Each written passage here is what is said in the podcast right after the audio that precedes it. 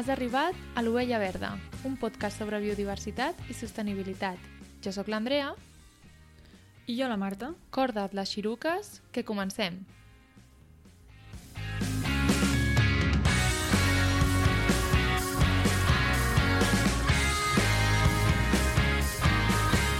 Aquest podcast pertany a la xarxa de podcast de ciència i medi ambient Podcastidae.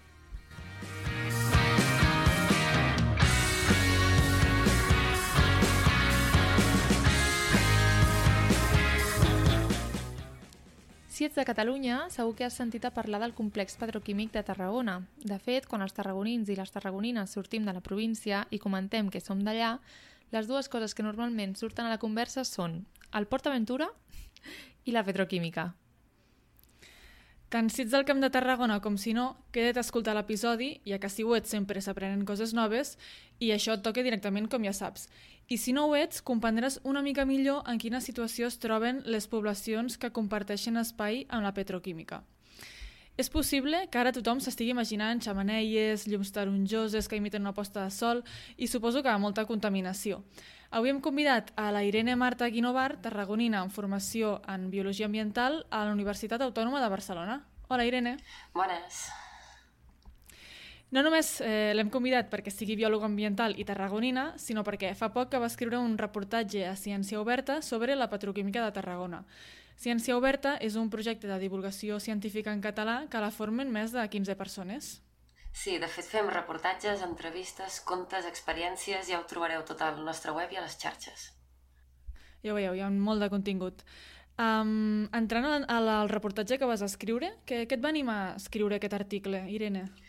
Doncs diverses coses. D'una banda, perquè és això, molta gent del Camp de Tarragona, però sobretot gent de fora, no saben el que és la petroquímica ni què s'hi fa.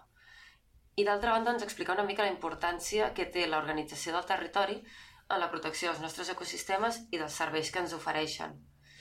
La meva intenció és que pel juny també publicar un altre reportatge explicant doncs, aquests temes més de qualitat de l'aire i d'impacte sobre el territori en si. Molt bé, Irene, doncs eh, ens agradaria començar per saber una mica d'història, perquè de fet cap de les tres havíem nascut quan es va començar a construir aquest complex industrial. De fet, eh, jo vaig créixer en aquesta ciutat i pensava que era una cosa normal que tenien totes les ciutats, perquè sabia que el fet de tenir energia i certs materials comportava això, indústries. Però després vaig anar descobrint que en el cas de Tarragona era especialment gran. Quan va començar tot? El teu article ho expliques molt bé. Doncs això va començar en època de Franco, que sembla que sigui molt lluny, però realment eh, va començar, l'activitat en si va començar l'any 75, però tots els permisos i tot venien d'abans. Eh, el complex petroquímic es, es divideix en, en el complex nord i el complex sud. El complex nord es troba al voltant del Morell, la Pobla de Mafumet, i el complex sud es troba al costat del, del marge dret del riu Francolí de Tarragona, entre Tarragona i, i Vilaseca. No? Aleshores va començar el... Hem de pensar que, la part, que eren tot camps agrícoles, perquè aquesta zona és coneguda com el Camp de Tarragona, que so, eren tot camps de fruiters i sobretot de, de la tríada mediterrània, o sigui, el que és vinya, oliveres i blat, i a més a més molta fruita. De fet, els pets tenen alguna cançó que parla sobre els camps de, de préssecs. Mm. I això, es va començar a ficar una primera indústria, que era Impetrol, l'actual Repsol, i després es van començar doncs, a sumar més, més empreses en aquests grans complexos. I al final doncs, tenim aquesta matriu amb, amb més de 30 empreses diferents que estan exercint la seva activitat dins del complex. Clar, i suposo que si hi ha moltes empreses també hi ha moltes persones treballant eh, directament i indirectament, no? Sí, de fet, el complex petroquímic és el complex més gran del sud d'Europa. Alberga això, 33 empreses directes, sense parlar de les empreses de serveis i de les de suport i logística. I això dona 11.000 llocs de treball directes i 35.000 induïts, el que és un fotimer de gent, parlant així de casa. A més a més, s'hi fan més de 100 productes químics diferents, entre els quals doncs, trobaríem l'òxid propilè, el gas natural, gasos per usos medicinals, sals de ferro, sals d'alumini... El que en total serien un, al voltant de les 20 tones de productes a l'any, de plàstics, combustibles, gasos... I tot això va unit i vinculat al port de Tarragona, que és per on entren i surten les mercaderies, i a les vies del tren, el que converteix el port de Tarragona en el cinquè port més important de l'estat espanyol. Wow, déu nhi els números són, són grans, eh? I suposo que, clar, um, també, clar, hi ha, hi ha molta gent que està treballant en, aquest, en aquests complexos uh, petroquímics i, però alhora també hi ha una gran preocupació no? al voltant d'aquestes zones perquè, bueno, sobretot últimament els últims anys hem vist notícies al voltant d'accidents que s'han ocasionat en aquests complexes per què és això un problema, no? aquestes, aquestes zones? O per què ens queixem tant? Els habitants de Tarragona i Rodalies ens afecta de manera més greu? Sí, eh, hem de pensar això, que, que la petroquímica té un impacte visual molt gran perquè són grans torres de, de ciutat de llumetes, que li dic jo, que la broma de, del París dels, de, de Tarragona, no? és, són un munt d'escales. De fet, quan passes per la A27, crec que és, sembla que passis de nit per Nova York. Jo sempre dic que, que, que passo per Nova York. Gairebé. Sí. Clar, és un impacte visual molt gran perquè hi ha les torxes, hi ha les escales de llums, hi ha un munt de canonades, i, i no només és això, sinó que també és un impacte paisatgístic molt gran perquè és, tens un, una gran superfície amb unes fàbriques, unes carreteres, unes vies de comunicació, que el que fa és tallar el, el, el territori, el que abans era una matriu en un paisatge en mosaic, amb boscs, rupícoles, eh, agrícoles, eh, litoral, riu... Ara tens tot això que s'ha fragmentat amb, amb un gran impacte en el sentit aquest de que estàs tallant la relació que hi pot haver entre un, entre un hàbitat i l'altre. I també mm. doncs, la pèrdua en si de l'hàbitat. No? I també hem de pensar que una part de la petroquímica està ficada en la zona d'inundació del riu Francolí. Això que vol dir que quan plou i fa una riuada eh, s'inunda tota la part aquesta. No? També a nivell d'emissions hem de pensar que eh, hi ha molts estudis sobre les emissions i sobre el que es fa i sobre el que surt de la petroquímica, però no acaben de ser concloents, perquè hi ha molts processos químics diferents, amb moltes complexitats, amb molts residus diferents, i, i és una combinació tan única i que no es té prou informació sobre això. De fet, fa anys que es demana que es faci un estudi sencer, íntegre, de la qualitat de l'aire, per veure doncs, realment quines són les afectacions que estan tenint sobre la salut de la, dels habitants i com es pot evitar que, que, això, que l'activitat de la petroquímica acabi reportant sobre els seus habitants. No? Una de les coses més visibles serien els episodis de les olors. De tant en tant tu vas passejant i ve una bafarada d'un aire que fa com pudor a, a cremat o a benzina o que no, no fa una bona olor i tu el pots reportar, tu truques i, i els van apuntant per veure doncs, què ha passat perquè això poden ser indicadors de que alguna cosa no acaba de funcionar. Sobretot el tema aquest va tenir, va agafar molta embranzida arran de l'accident d'Icoxe al gener del 2020, quan un reactor d'òxid d'etilè es va incendiar i va acabar esclatant. La gent es va començar a mobilitzar i la ciutadania reclamava sobretot el que eren millores de seguretat, millores en els protocols de seguretat ciutadana, el, fa, el famós Pla Secat, eh, millores laborals en les condicions, perquè s'havia començat a, a fer subcontrates i això doncs, podia implicar problemes en la, en la seguretat. Eh, I també, sobretot, millores en, en la seguretat ambiental. No? Es va fer una manifestació que en el seu moment tothom anava amb mascaretes per fer això la perspectiva de, de que l'aire, doncs no sabíem què hi havia a l'aire, i era una imatge bastant impactant, sobretot perquè dos mesos més tard ens tancaven a casa per Covid i la mascareta passava a ser una cosa ja més habitual. Wow, és veritat. Sí, has comentat diverses coses que, que són molt interessants perquè creiem que a vegades no ens afecta com directament a la salut, sinó que pot ser a llarg plaç o que és això, com un impacte visual, però com que no és directament en, en, a no ser que hi hagi un accident, no?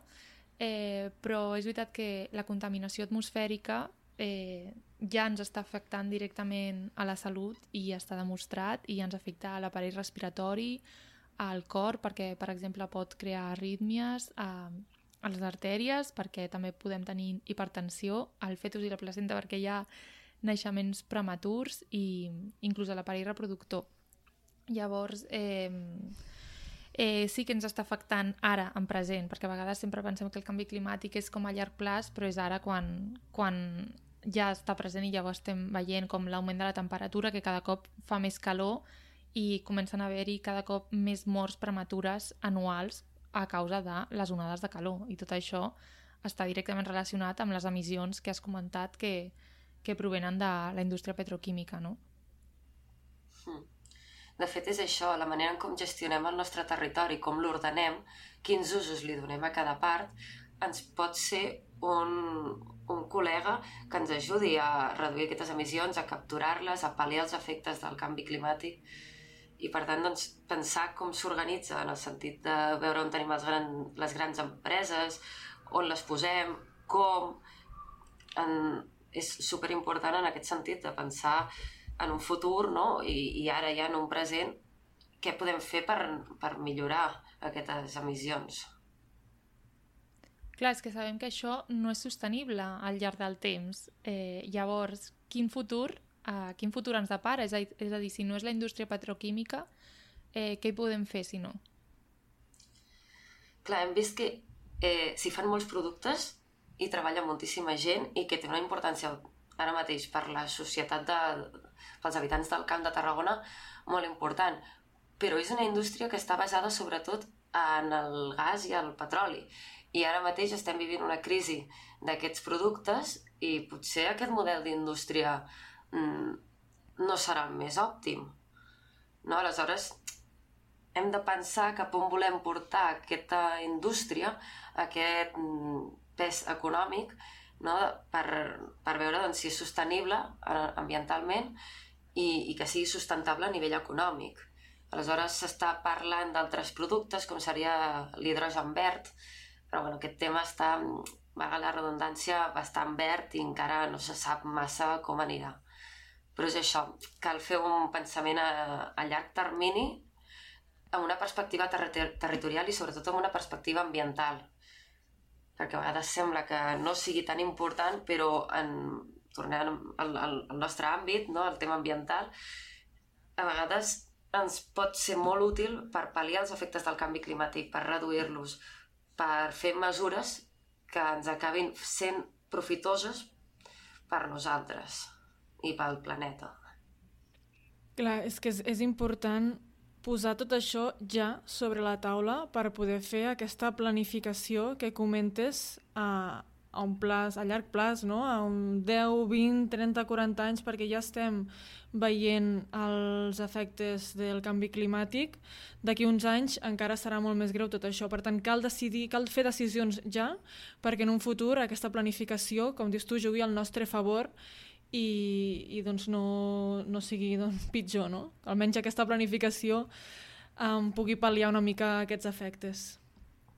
I clar, i mirar quins alt, quines altres propostes s'estan fent al nostre territori no? i com s'estan repartint per, pel voltant de, de Catalunya i de l'Estat i d'Europa, no? Veure posicions estratègiques, per què les coses es posen en un lloc i no en un altre, que posar el, el fet ambiental a la balança i que tingui un bon un pes important a l'hora de prendre les decisions. Perquè a vegades és això, sembla que el fet ambiental no importa tant com els temes econòmics, quan realment, si ho penses en un, des d'una perspectiva més global, te n'adones doncs, que potser si, ho, si li poses aquest criteri ambiental... Sí, no, no, és un criteri important a l'hora de posar-lo a la balança. Això està clar, no el podem deixar fora, s'ha de tenir en compte. El criteri ambiental és és molt important i estem veient que nosaltres depenem directament d'aquest criteri ambiental també. Si no el tenim en compte, um, les persones també se'n veuen afectades. I per això fa falta formació.